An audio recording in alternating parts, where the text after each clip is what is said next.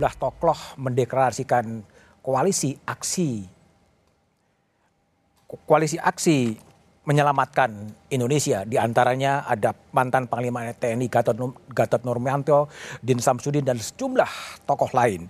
Apa sebetulnya maksud dibalik deklarasi kami? Apakah memang sekedar kritik atau intrik? Itulah tema satu meja The Forum malam ini dengan sejumlah narasumber.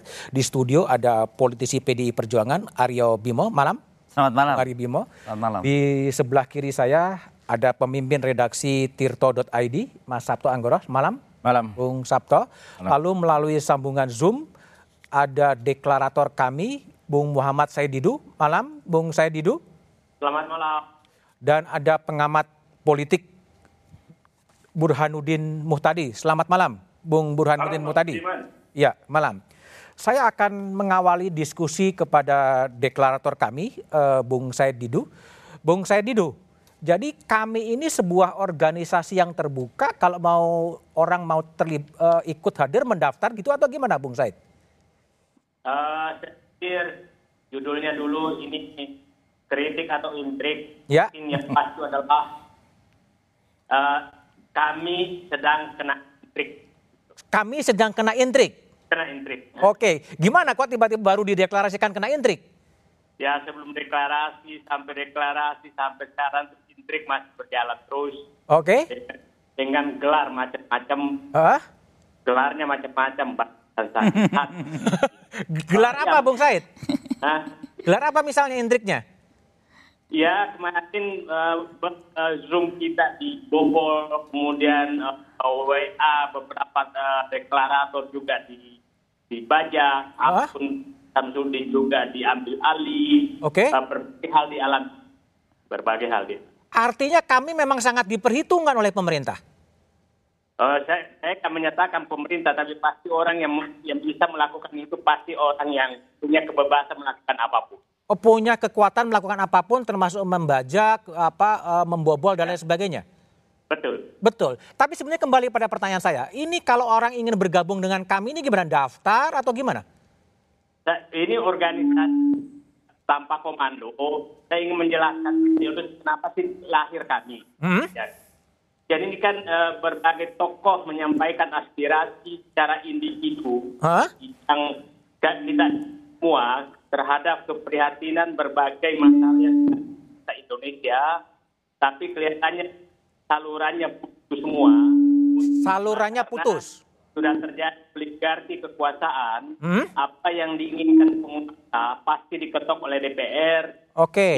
Utama yang dilakukan oleh mereka oleh oligarki ini adalah melalui perpu apa pun yang diinginkan dilakukan perpu dan langsung diketok oleh DPR. Jadi ini menurut kami bahaya. Dan yang terakhir menurut kami uh, ini adalah ini bahwa tentang ideologi negara pun sudah mulai berani utak atik di utak atik itu ya mohon maaf sudah ada cara apa namanya arah bahwa Pancasila hmm. yang harusnya diakui yang diterima oleh semua pihak adalah yang dirumuskan 18 Agustus, hmm. tapi dibelokkan seakan-akan yang harus dipakai adalah yang 1 Juni dan mengarah kepada Trisila dan Ekasila. Oke. Okay. Nah, dari situ kami semua ini sudah sudah titik gawat bukan lagi ekonomi tapi hmm. fondasi negara sudah mulai diacak-acak okay. sehingga terpanggillah kumpul terus itu prosesnya tiga bulan menyatukan aspirasi. Nah, menyatukan aspirasi sehingga kita menganggap kalau ini tidak ada kelompok yang menyuarakan menyelamatkan NKRI, hmm? maka bisa betul-betul fondasinya dirusak, okay. maka runtuh NKRI ini. Itulah uh, uh, awal utama sehingga kami uh, beberapa orang berkumpul maka kita menyatakan bahwa sebaiknya kita bersatu untuk menyelamatkan NKRI. Oke, jadi ja, jadi Bung Said, jadi kami ini hadir karena memang kemudian partai politik atau DPR itu hanya menjadi stempel pemerintah begitu? Saya kita katakan sudah demikian oligarki kekuasaan me, me, apa namanya terjadi praktis demikian rupa hmm? pembentukan undang-undang, undang-undang KPK, undang-undang apa pun bayangkan pada saat undang-undang KPK itu hanya prosesnya 13 hari revisi undang-undang KPK. 13, 13 hari. hari di ujung pemerintahan, uh, kemudian undang-undang Minerba, undang-undang uh, uh, perpu tentang corona, banyak sekali undang-undang yang dibentuk hanya karena keinginan. Jadi yang kita takutkan adalah hanya presiden sedang bermimpi menginginkan sesuatu bikin perpu untuk diketok di DPR. Ini memang uh, uh, yang kita kita was-was sekali. Jadi kalau ada anggapan bahwa kami ini adalah diisi oleh orang-orang barisan sakit hati, Bung Said nanggapinya gimana? Ya saya anggap aja bumbu-bumbu perjuangan. Karena Bu- Bumbu-bumbu perjuangan ya? bumbu perjuangan. Hmm. Nggak, nggak, nggak, nggak, nggak lah, nggak. Biasa-biasa saja. Oke, baik. Saya ke Bimo terlebih dulu. Bim, ini kami lahir karena memang DPR ini sebetulnya hanya eh, stempel aja gitu loh. Sehingga perlu ada penyeimbang oposisi di luar DPR. Eh, ginilah, kalau saya membaik-baikan DPR nanti saya saya dianggap terlalu membela diri. Faktual saja, Pak Said dan teman-teman, Index of Presidentialism yang tercatat kita nomor 73, ya. Jadi jelas sekali bahwa negara yang menganut prinsip presidensial itu tolok ukurnya adalah otoritas yang dimiliki oleh seorang presiden di suatu negara. Semakin kekuasaan itu disharingkan terhadap lembaga kekuasaan yang lain, maka dia memiliki indeks sistem presidensialisme yang tinggi. Ini bukan sulap, bukan sihir, ini data dari indeks of presidential yang di Artinya apa dengan indeks itu Anda mau mengatakan bahwa DPR apa? tidak oposisi Tadi gitu? yang diomongin omongin sama Bung Said Bang Didu. Said tadi saya cenderung itu hanya eh, hal-hal yang sensasional saja. Tapi kan faktanya betul juga ah, kan? Itu adalah sesuatu yang tidak tidak argumentatif. Kritik Itu itu, oke. itu kapan? Kritik itu oke, tapi yang yang solutif Mas. Saya perlu kayak Pak Said ini kan teman. Ah, Bang Isanuddin teman. Ya. Bang Din Samsudin teman. Banyak teman-teman yang ada di situ yang kita tunggu adalah kritik. Kalau kritik itu argumentatif, solutif.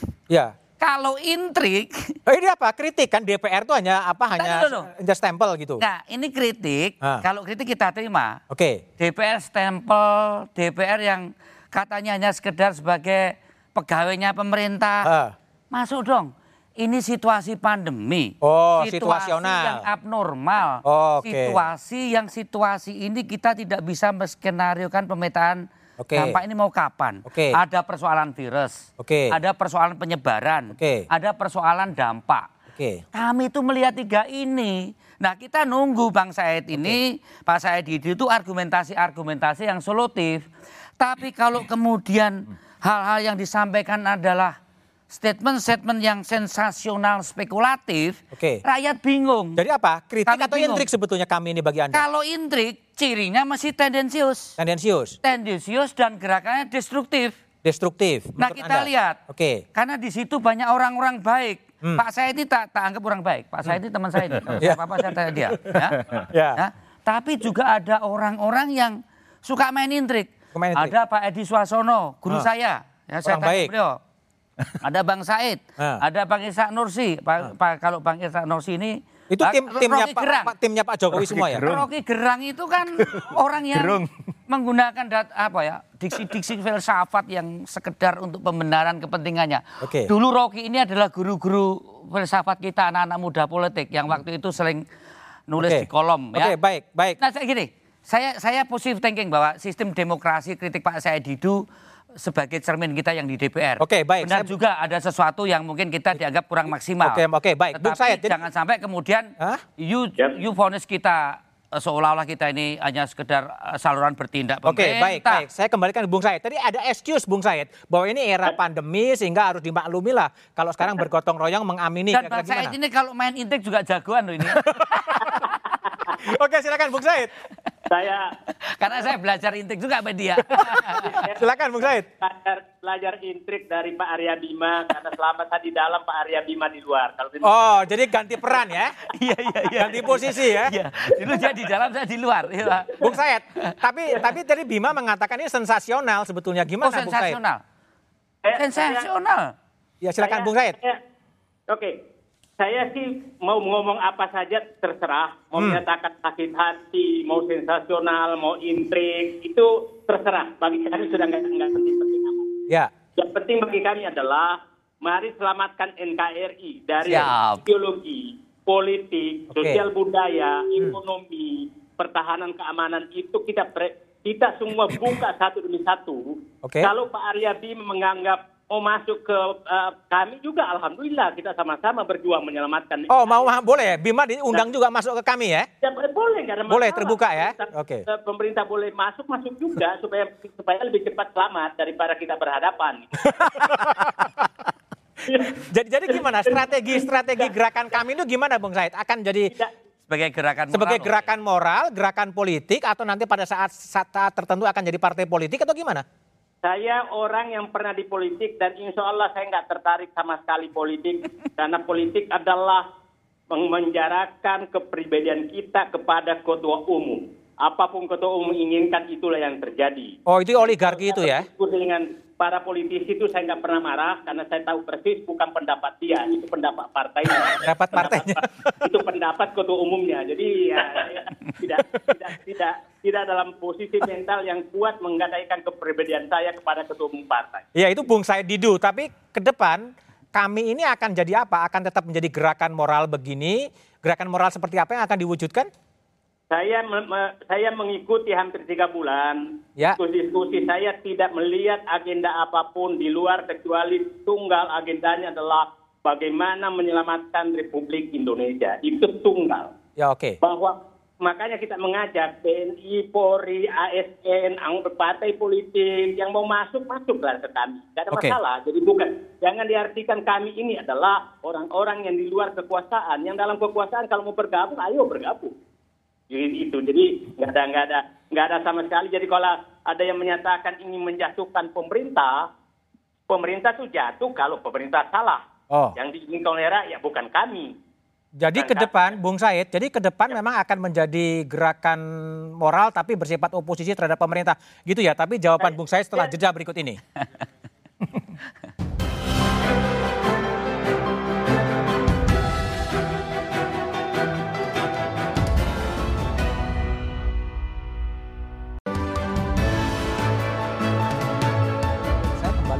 Muhammad Said Didu, deklarator kami.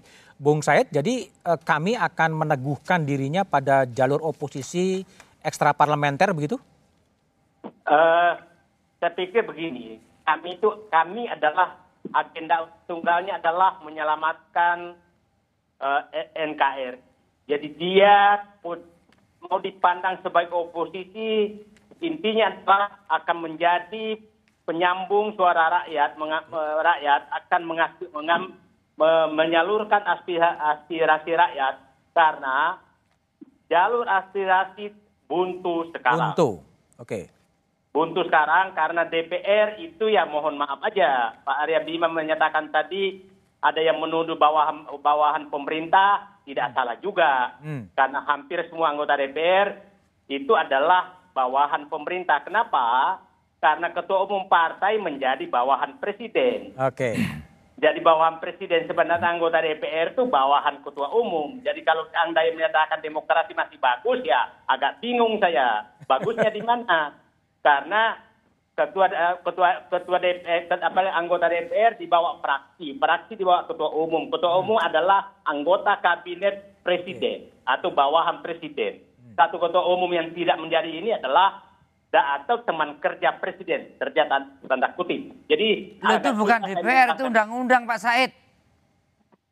Bukan itu undang-undang prakteknya demikian jadi itu udahlah jadi kita biasa debat tapi ya adalah ada das solen ada das sei Ada sei. itu demikian Oke. gitu loh.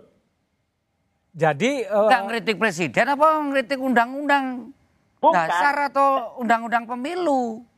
bukan saya ingin menyatakan bahwa penyaluran aspirasi kepada DPR itu kami anggap buntu buntu. kenapa Oke. apa pun yang diinginkan itu Terus itu otoriter begitu maksudnya? Bu, saya menganggap sudah demikian sudah mengarah ke otoritarian Sudah mengarah kepada otoritarian. Oke. Oke, baik, baik. Saya akan minta pandangan Burhanuddin Mutadi. Bung Burhan, jadi gimana? An- Ini memang eh, kami muncul karena tadi adalah karena memang saluran aspirasi rakyat yang seharusnya disuarakan oleh DPR ternyata dianggap buntu. Kalau Bung Burhan melihatnya ini akan ke mana skenario dari kami ini? sebelum jawab sana ya, eh, Mas Budiman, memang harus diakui sejak bergabungnya Gerindra ke pemerintah itu praktis kekuatan Presiden Jokowi di parlemen itu mencapai 80 persen. Oke.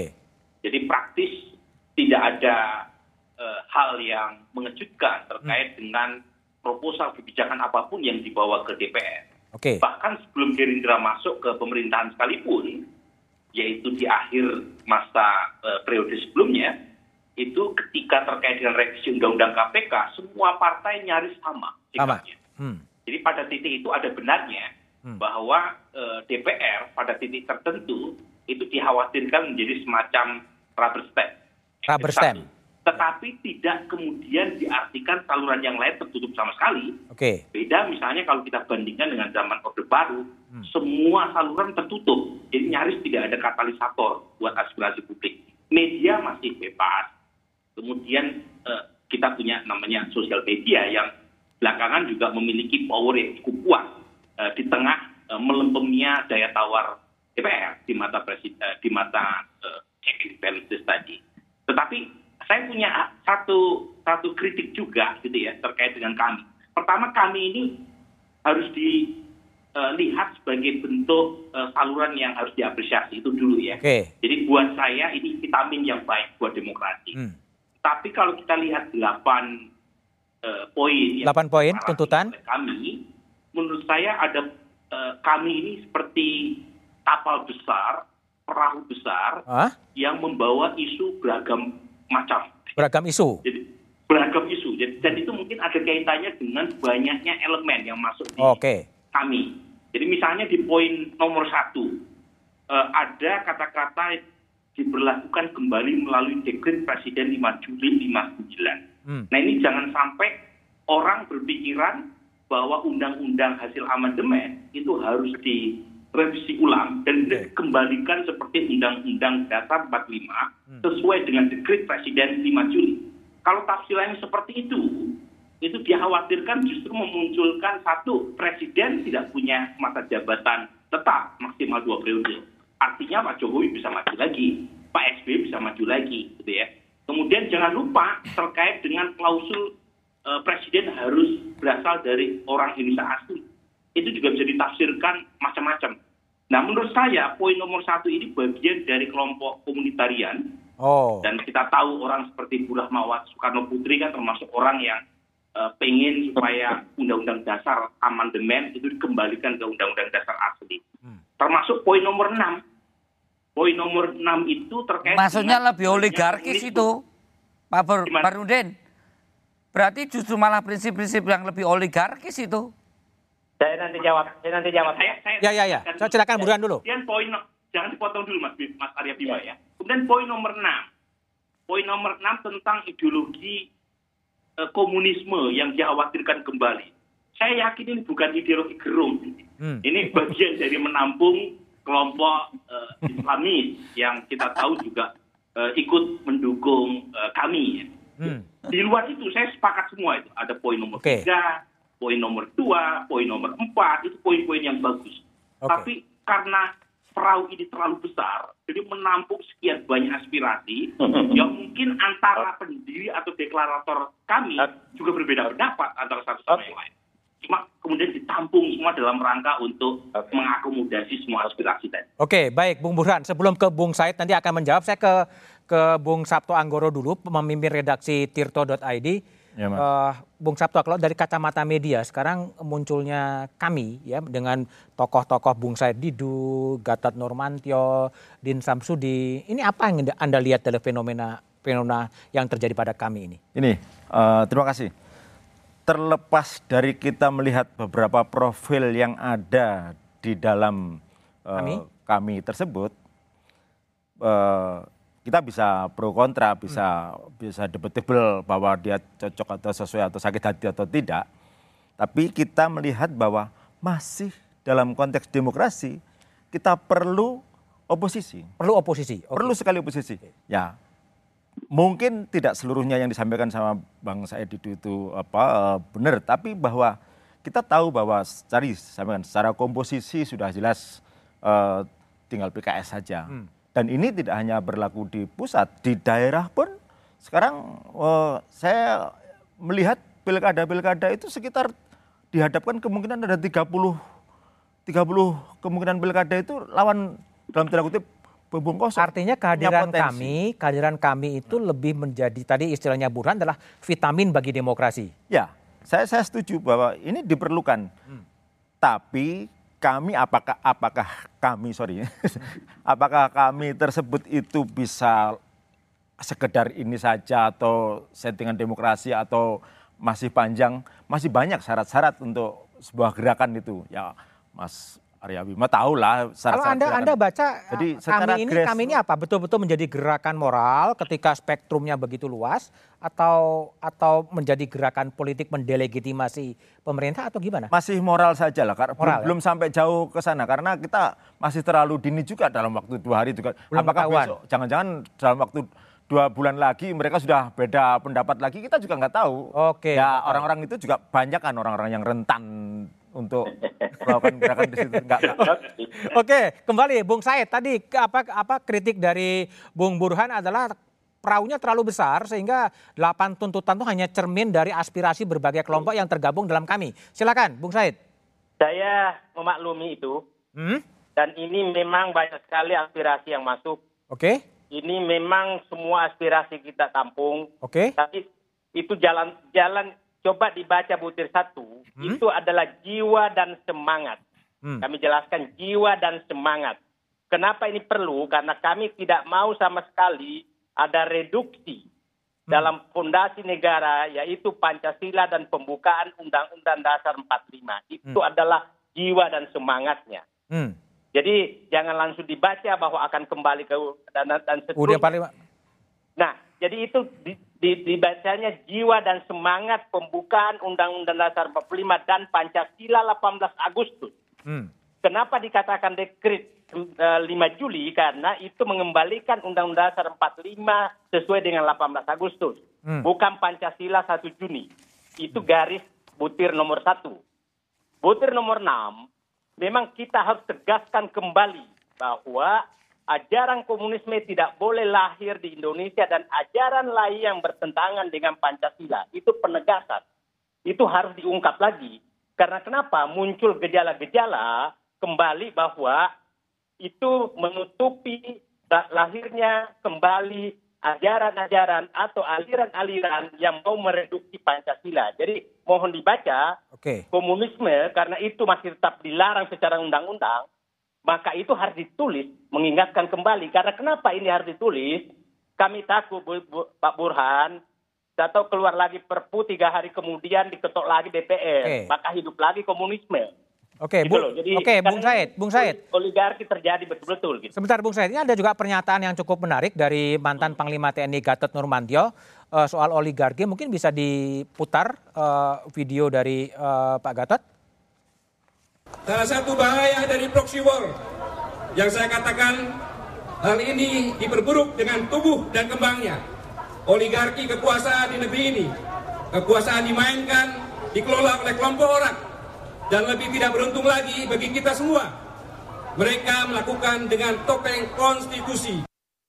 Ini ini gimana, Bung penjelasan uh, pernyataan uh, Pak Gatot uh, bahaya proxy war, kemudian ada oligarki yang bertopeng konstitusi. Gimana, Bung Said? Saya, saya pikir betul itu berkembang dari diskusi dan ter, sudah dipraktekkan secara nyata. Oke. Okay. Sudah dipraktekkan secara nyata dalam pembent, proses pembentukan undang-undang, dalam proses apa pun, dalam proses penentuan calon calon pimpinan, bupati, gubernur, apa segala itu oligarki kekuasaan terjadi. Oke. Okay. Kami membaca demikian bahwa umpamanya pemilihan bupati, wali kota atau gubernur di Kalimantan biasanya adalah yang sponsor utamanya cukongnya adalah pengusaha tambang atau pengusaha APH atau pengusaha, uh, atau pengusaha perkebunan. Itu sudah fakta hmm. menyatakan demikian. Terus kemudian yang turun temurun kalau bukan istrinya, anaknya, ponakannya itu sudah terjadi dan selalu adalah yang di belakangnya ada demikian. Jadi saya, saya pikir mari kita pakai akal sehat betul okay. melihat gejala ini. Jadi fakta ya, oke. Nanti saya minta jawaban dari Arya Bima. Tadi kan ada oligarki kekuasaan yang bertopeng konstitusi dan memang ada koalisi ya antara politisi dan pengusaha tadi dicontohkan oleh saya Didu di Kalimantan. Tapi jawaban Bima setelah jeda berikut ini.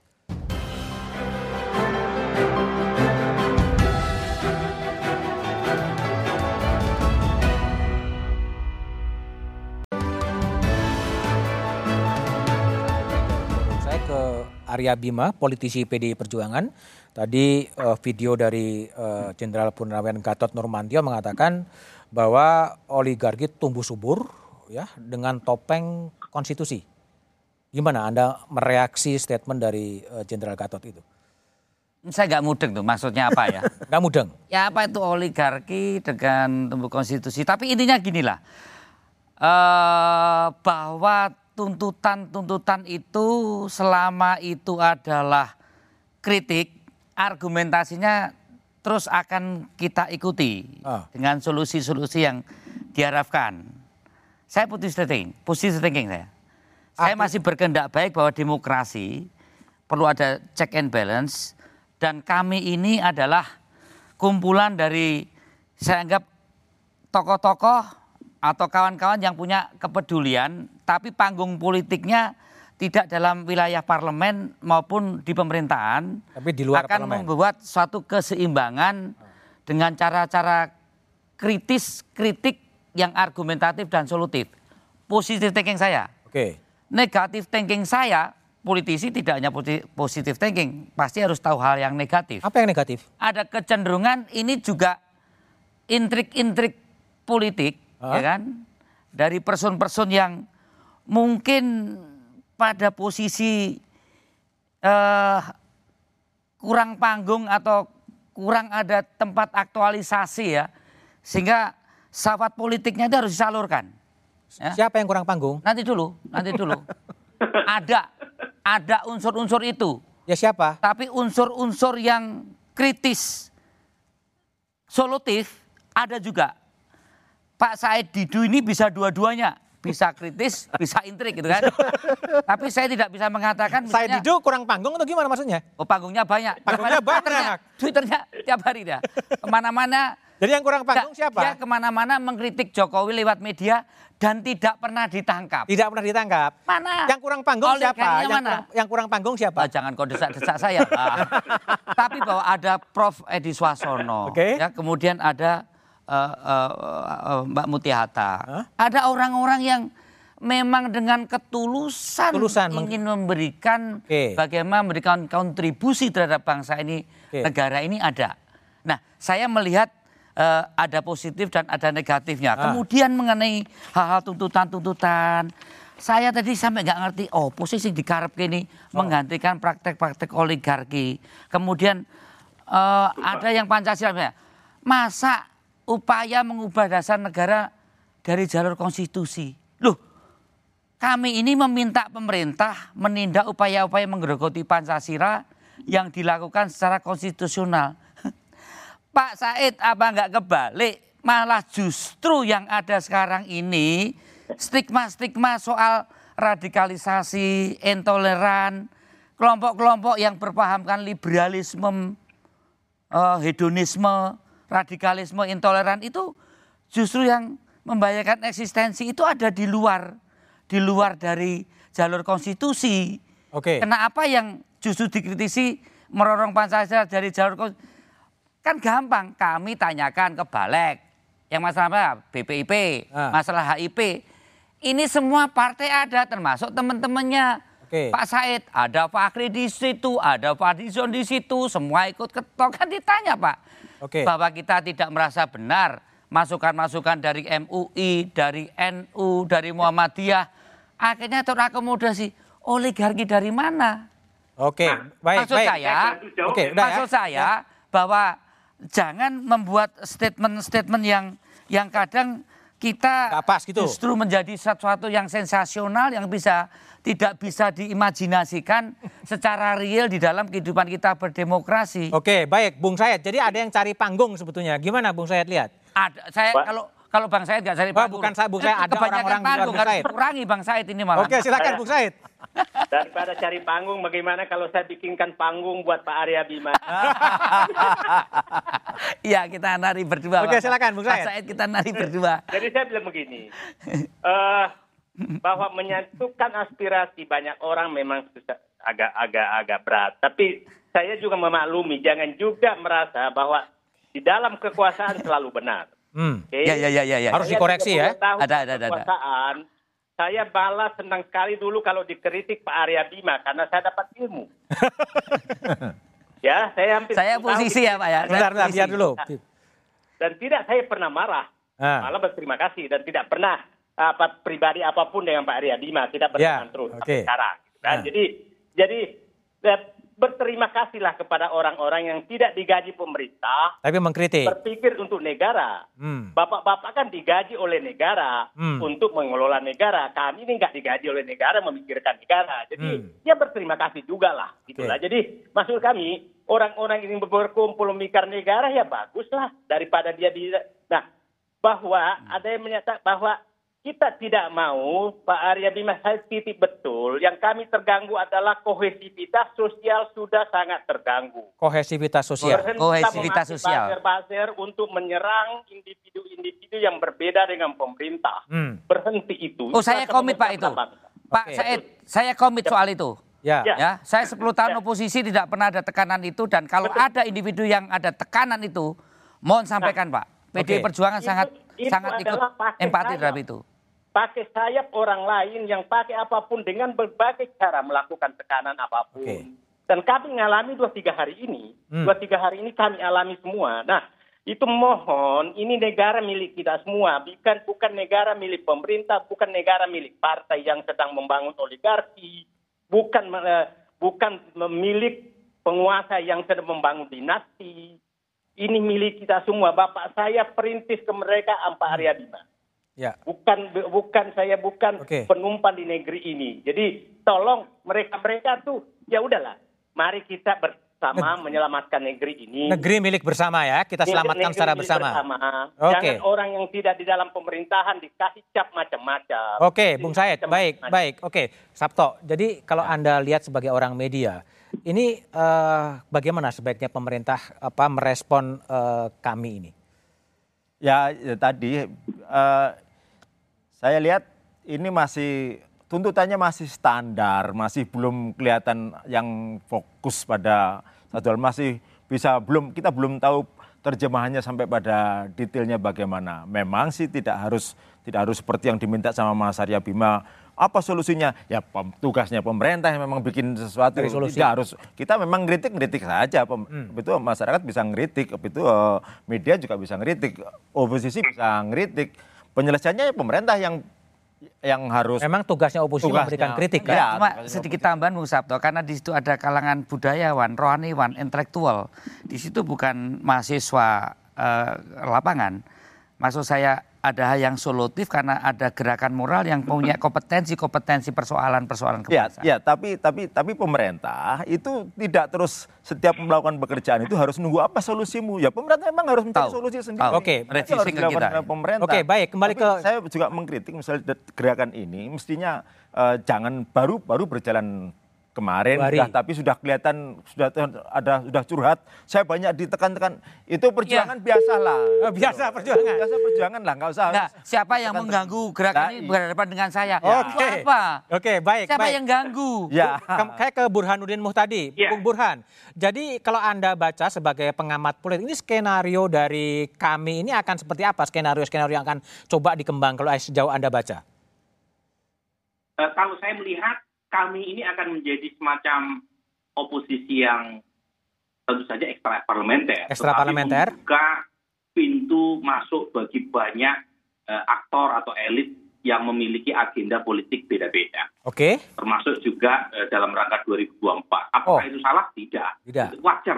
Apalagi tadi ada katup eh, katup penyalur yang tersumbat di Hmm. parlemen. oke. Jadi saya wajar. Tapi buat saya eh, deklarator kami, termasuk Bung Said atau Pak Gatot, itu harus lebih pintar membahasa ulangkan term atau istilah yang tidak sekedar catchy, tetapi bisa dipahami publik. Hmm. Kalau ingin gerakannya punya resonansi kuat. Misalnya ter- soal oligarki. terlalu elit Ini ya? kan teori, ini teori dasar dalam ilmu politik. Ada namanya rule by one, itu namanya diktator. Hmm, Ada rule by view, itu namanya oligarki hmm, oligarki itu diambil dari bahasa Yunani, oligon artinya sedikit. hmm. Pemerintahan yang dikelola oleh sedikit orang. Nah, Betty Hadis, Jeffrey Winters, Robinson membahasakan oligarki dalam pengertian mereka yang sedikit yang punya kekuatan kapital dalam mengelola dan mempengaruhi kebijakan negara. Winters belakangan menyebut kalau dulu oligark di belakang layar, sekarang mereka di depan layar. Bung Burhan, Ada lagi Bung Burhan. Jadi kalau kalau tadi namanya rule by many. kalau Nah, kalau Anda katakan tadi sebetulnya Burhan, jadi apakah memang tadi ada menyebut 2024? Apakah memang ah, ini semacam warming up menuju 2024 gitu? Ada yang memanfaatkan kami untuk panggung-panggung politik itu?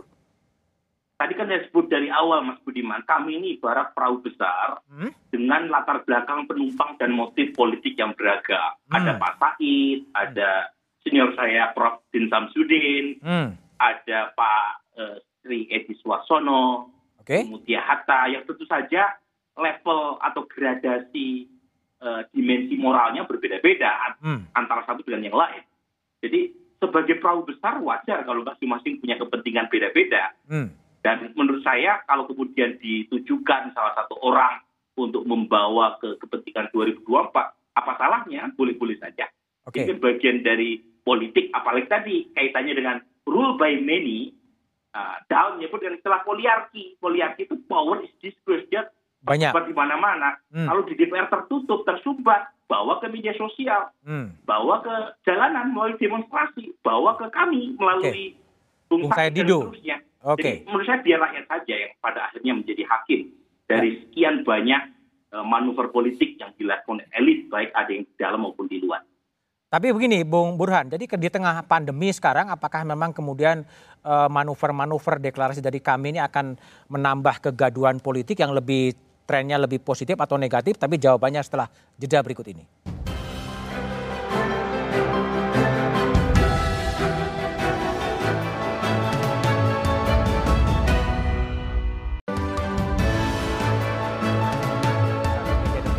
Kembali ke Muhammad Said Didu, deklarator kami. Bung Said, jadi agenda konkret setelah dideklarasikan apa yang akan dilakukan oleh eh, kami persisnya? Eh, agenda, agendanya kami itu tunggal sebenarnya adalah menjaga agar negara Republik Indonesia selamat.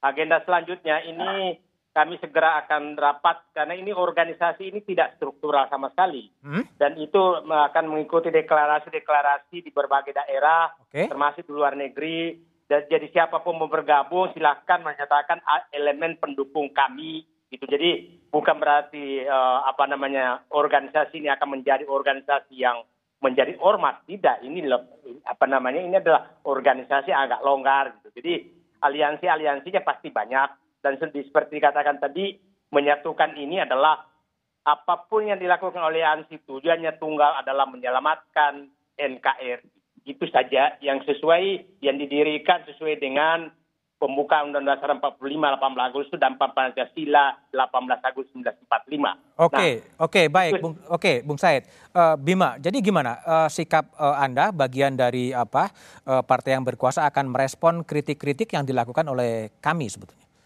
Eh, ya, eh, kami harus tahu dulu ya, DPR, partai politik, dan pemerintah saat ini situasinya sangat emergensi dalam hal terkait satu, penanganan virusnya, Oke, kemudian penanganan penularannya jangan sampai tambah terus, dan dampak ekonominya. Ini rakyat sangat antusias menunggu keputusan yang secepat mungkin harus dilakukan oleh pemerintah. Saya tidak melihat apakah rakyat antusias dengan gerakannya Pak Said dengan kaminya, ya, apakah dia merespon atau